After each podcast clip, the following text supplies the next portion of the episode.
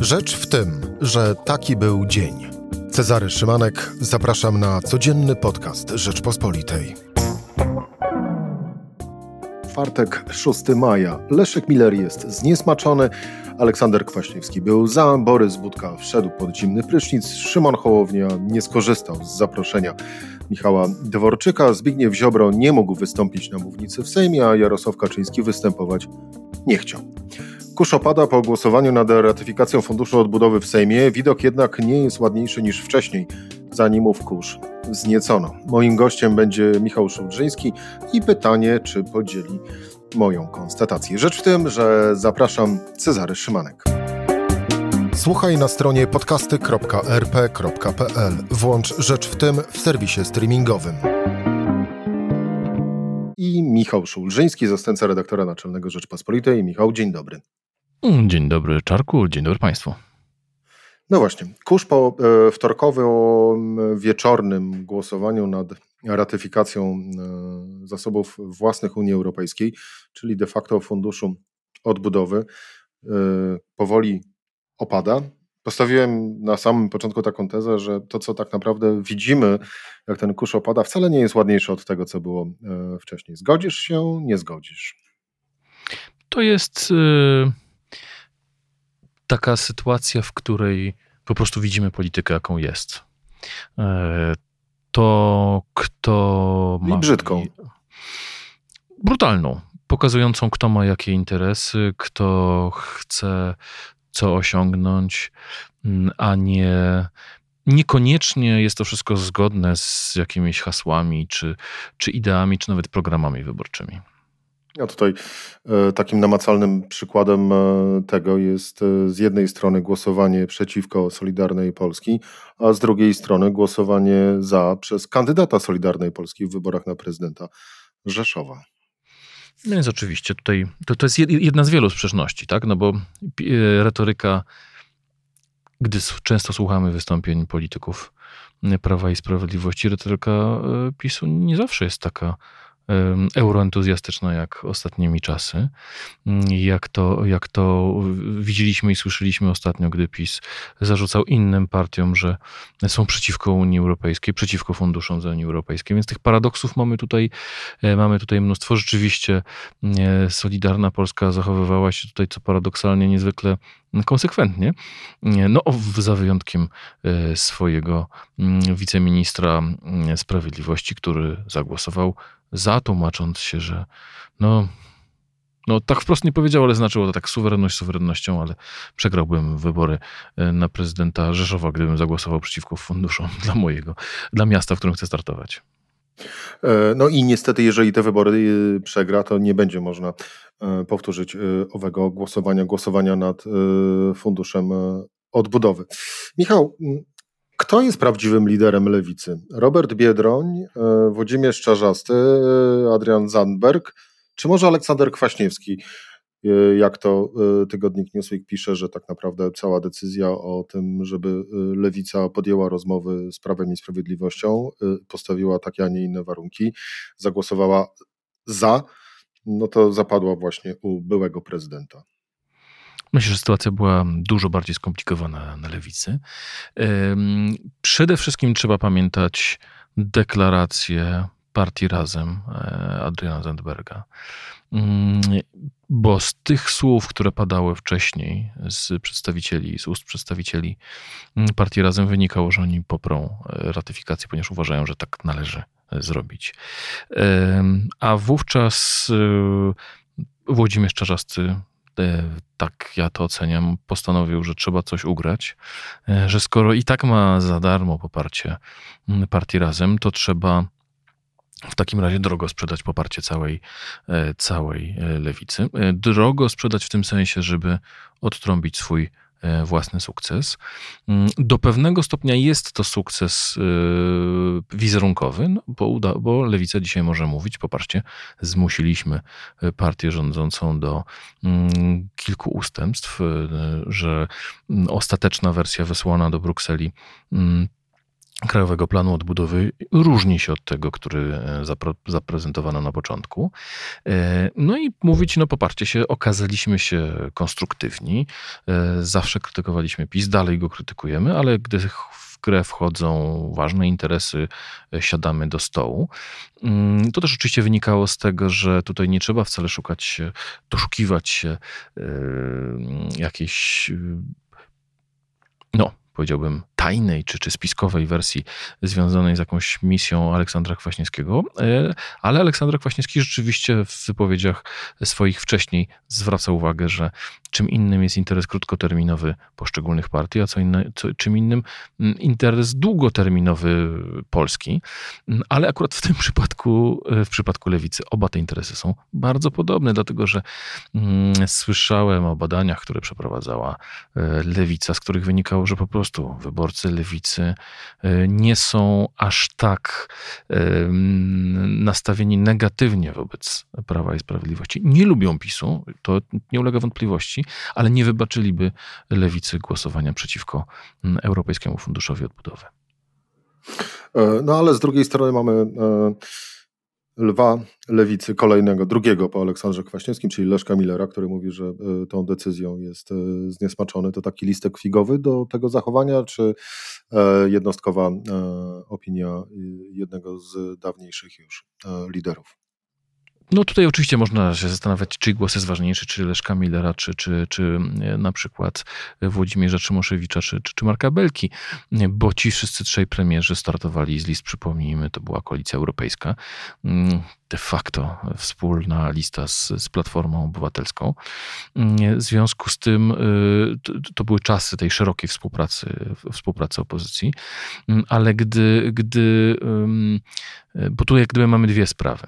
Pierwsza sprawa to, czy jak należało głosować, bo zobaczmy, że tak jak popatrzymy na wyniki, Lewica głosowała tak samo jak e, Polska 2050 e, Szymona Hołowni, który od początku zapowiadał, że e, ratyfikację poprze. E, więc mamy tutaj pytanie A, jak należało głosować, i pytanie B, czy należało negocjować. No i tutaj oczywiście mamy, mamy, mamy sprawę e, bardziej skomplikowaną, dlatego że pytanie, o co chodziło tak naprawdę o co tak naprawdę chodziło w, w poszczególnym graczom. Dlatego, że Platforma Obywatelska mm, zachowała się w sposób taki, jaki uważała, że oczekują od niej jej wyborcy. Mm, tak samo zresztą zrobiła, e, zrobiła lewica. I myślę, że trzeba tutaj trochę poczekać. Ja myślę, że platforma na tym nie zyska, ale oczywiście mogę się mylić, e, dlatego że trzeba podczekać trochę czasu, żeby zobaczyć, jak te sondaże się będą teraz e, układały.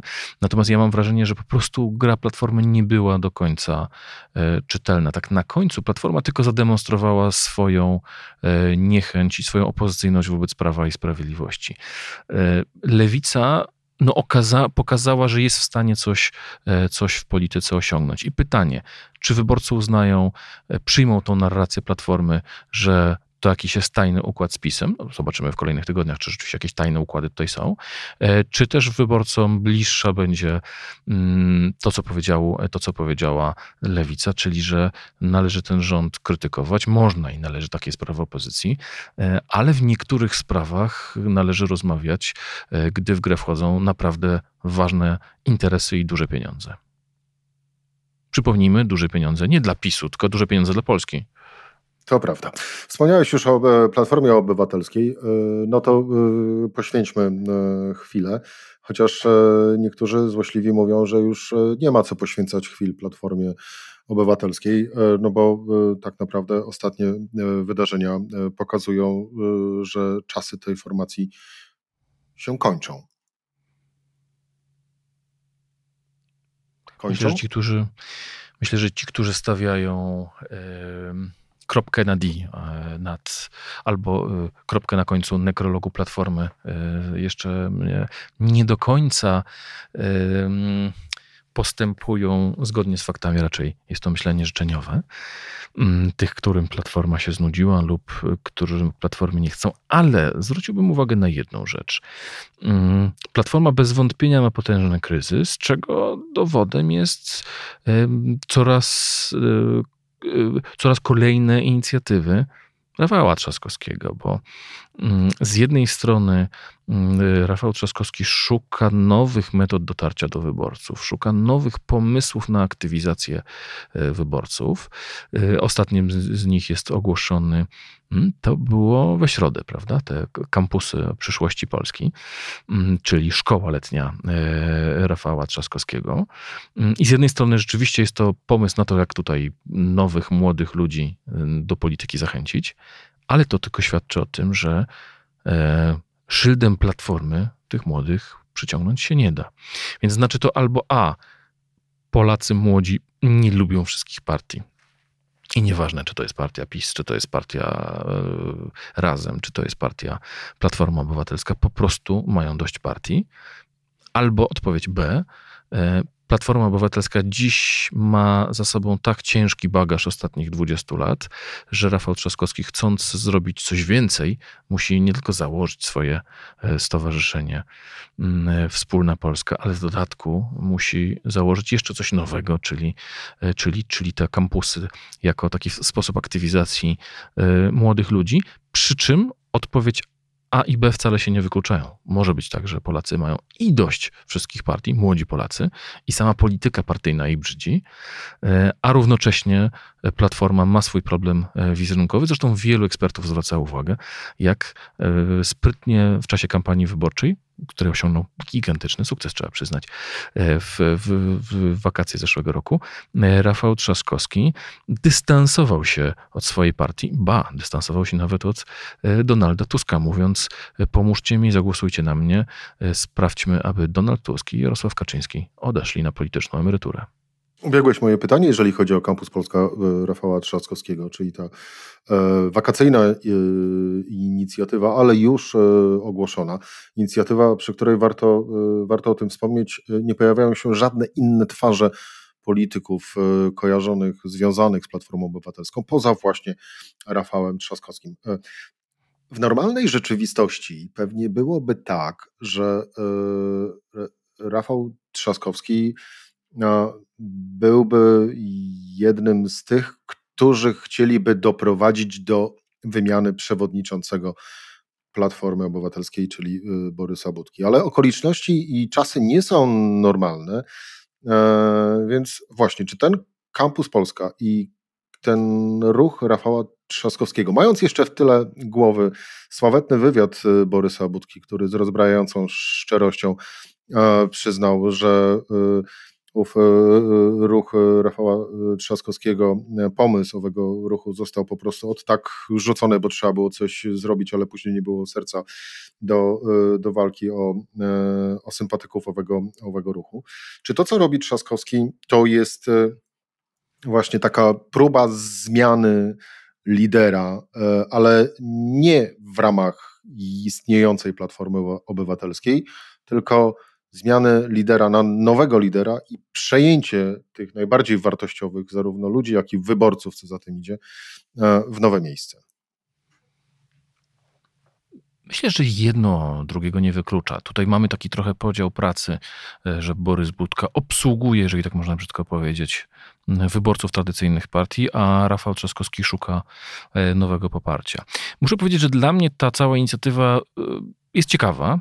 Nie wiem, czy ona się okaże skuteczna, czy też nie, ale e, zobaczmy, w momencie bardzo potężnego kryzysu politycznego, w momencie, gdy e, mamy spór niezwykle ostry o to, jak będzie wyglądać e, relacja władzy do opozycji, jak będą wyglądać relacje pomiędzy partiami opozycyjnymi, która z partii opozycyjnych będzie większa, która będzie miała pozycję tego, tego hegemona. Rafał Trzaskowski Trzaskowski nie wchodzi w wojnę wewnętrzną, tylko wychodzi z całkowicie nowym projektem. E, ja myślę, że to nie, nie był przypadek, że Trzaskowski ogłosił to akurat wczoraj, e, że chciał wysłać sygnał do wszystkich tych. E, to jest oczywiście paradoks, bo z jednej strony wspierał Platformę podczas, podczas głosowania i, i, i we wszystkich wystąpieniach medialnych wspierał tą strategię Platformy oburzał się na, na lewicę za to, że podjęła negocjacje z PiSem, ale równocześnie co zrobił? No, zaproponował zupełnie nową, nową formułę pracy, właśnie pracy z młodymi ludźmi. To będą będą, jeżeli dobrze pamiętam, z jednej strony e, szkoła letnia, z drugiej strony granty dla, e, dla młodych ludzi. I tak jakby chciał powiedzieć, te stare dotychczasowe partie kłócą się w Sejmie, e, te stare dotychczasowe partie no, jałowo dosyć się mm, tkwią w, ust, uścisku w tych swoich e, zapasach, a ja e, codzienną pracą, no bo trzeba przyznać, że akurat pod tym względem Rafał Trzaskowski ma co robić, zarządzając stolicą polską. Ja widzę, że są nowe potrzeby ludzi, jeżdżę po kraju, spotykam się z nimi e, i oni mi mówią, do polityki partyjnej to my się wcale garnąć nie chcemy, ale gdyby ktoś wymyślił jakiś pomysł na to, żeby aktywizować młodych ludzi, no to chętnie byśmy się to włączyli i właśnie do nich jest skierowana ta, ta odpowiedź. I pamiętajmy jeszcze o jednej rzeczy. Rafał Trzaskowski ma sytuację wygodną i niewygodną. E, trudno być liderem partii, nie będąc w Sejmie. E, ale równocześnie Rafał Trzaskowski ma w kieszeni drugą legitymację, legitymację samorządowca. E, a Polacy lubią samorządowców. E, I słyszałem od współpracowników Rafała Trzaskowskiego, że często odzywają się do niego ludzie mówiąc, nie, jeżeli pan do nas przyjedzie jako polityk Platformy, to nie, to byśmy, to byśmy nie bardzo tego sobie życzyli. Nie, nie chcielibyśmy, żeby tutaj podleć, ale jeżeli by przyjechał do nas pan jako samorządowiec, jako przedstawiciel Unii Metropolii, jako prezydent dużego miasta, to zupełnie jest dla nas coś innego, jak, jak przyjeżdża ktoś, kto nie jest e, aż tak kojarzony e, z polityką partyjną. I myślę, że no, na tym polega ta gra, bo tutaj też trzeba zwrócić uwagę, jak dotąd Rafał Trzaskowski zachowuje się lojalnie wobec Borysa Budki. No nie było po tym słynnym wywiadzie żadnego oficjalnych, e, oficjalnego wystąpienia, w którym by Trzaskowski drwił chociażby z Borysa Budki, no, a byłoby z czego się ponaśmiewać, bo rzeczywiście e, tutaj Borys Budka raczej narzekał na trudną rzeczywistość niż e, i, i powtarzał takie publicystyczne tezy o tym, jak Platforma się znalazła w, w trudnej sytuacji, niż promieniał wolą walki, mówiąc, że tutaj wszystko e, naprawi i platformę uleczy. W całym tym kontekście, y, do, znaczy do tego całego kontekstu dodajmy jeszcze e, słowa Małgorzaty Kidawy-Błońskiej, które tak naprawdę no, chyba najlepiej byłoby uznać za żart, a nie za zrozumienie przez liderów Platformy Obywatelskiej e, potrzeb młodych wyborców, no bo to Małgorzata Kidawa-Błońska stwierdziła, że dla młodych wyborców interesujący byłby zapewne wykład Bronisława Komorowskiego. E, na koniec, e, Michał, w takim razie, puentując te nasze rozważania i widok po, po tym opadającym, opadającym kurzu, no to aż ciśnie się na usta takowe, czy walka o rząd dusz na opozycji rozegra się między Rafałem Trzaskowskim, Szymonem Hołownią i Adrianem Zandbergiem, łamanym na Roberta Biedronia? Myślę, że to dokładnie tak będzie. E, co robi Szymon Hołownia? Szymon Hołownia z jednej strony gromadzi Polaków e, w tych swoich stowarzyszeniach mm, w ramach e, Polski 2050 on po kampanii wyborczej prezydenckiej e, cały czas budował stowarzyszenie, ale równocześnie zaczął budowę partii, na czele której stanął e, Michał Kobosko i zaczął działania na rzecz tworzenia mm, swojej obecności, swojego pszczółka w parlamencie. No, siłą rzeczy, gdy nie ma wyborów, musiał przejmować e, polityków innych partii. I to jest dokładnie ten sam pomysł, który gdyby to działa równolegle z tym, co robi Rafał Trzaskowski. Tak, Rafał Trzaskowski z jednej strony jest w Platformie, z drugiej strony usiłuje do tych nowych ludzi, którzy wolą działać w stowarzyszeniu lub fundacji, ale niekoniecznie w partii politycznej, e, się w tej chwili e, zwraca. No i trochę to też takich ludzi przemawia Adrian Zandberg, którzy działają w rozmaitych e, kooperatywach, w rozmaitych mm, grupach, które są skupione wokół lewicowych i ideałów, marzeń, pragnień i tak dalej, mm, a niekoniecznie takiej stricte polityki, e, polityki partyjnej. I w tym sensie e, tutaj na pewno rozegra się nie tyle co bój o rząd dusz na opozycji, co rząd dusz e, nad rząd dusz nad młodym, nad, nad, młodym pokoleniem. Tak? To, które teraz przez te najbliższe dwa lata będzie wchodzić do, do polityki. No i z sondaży wiemy, że wśród tych młodych ludzi partia rządząca nie cieszy się największym poparciem.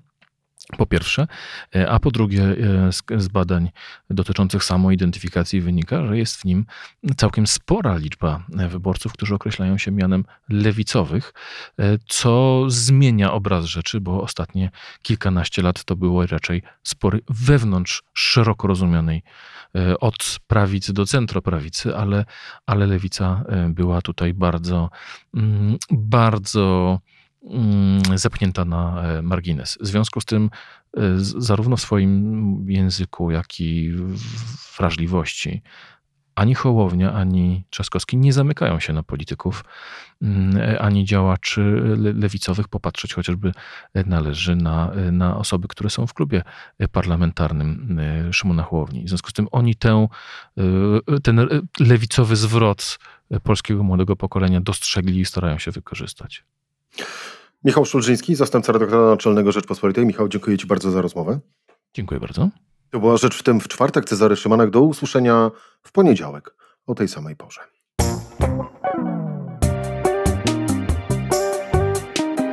Rzecz w tym to codzienny program Rzeczpospolitej. Od poniedziałku do czwartku o godzinie 17. Słuchaj na stronie podcasty.rp.pl. Włącz Rzecz w tym w serwisie streamingowym.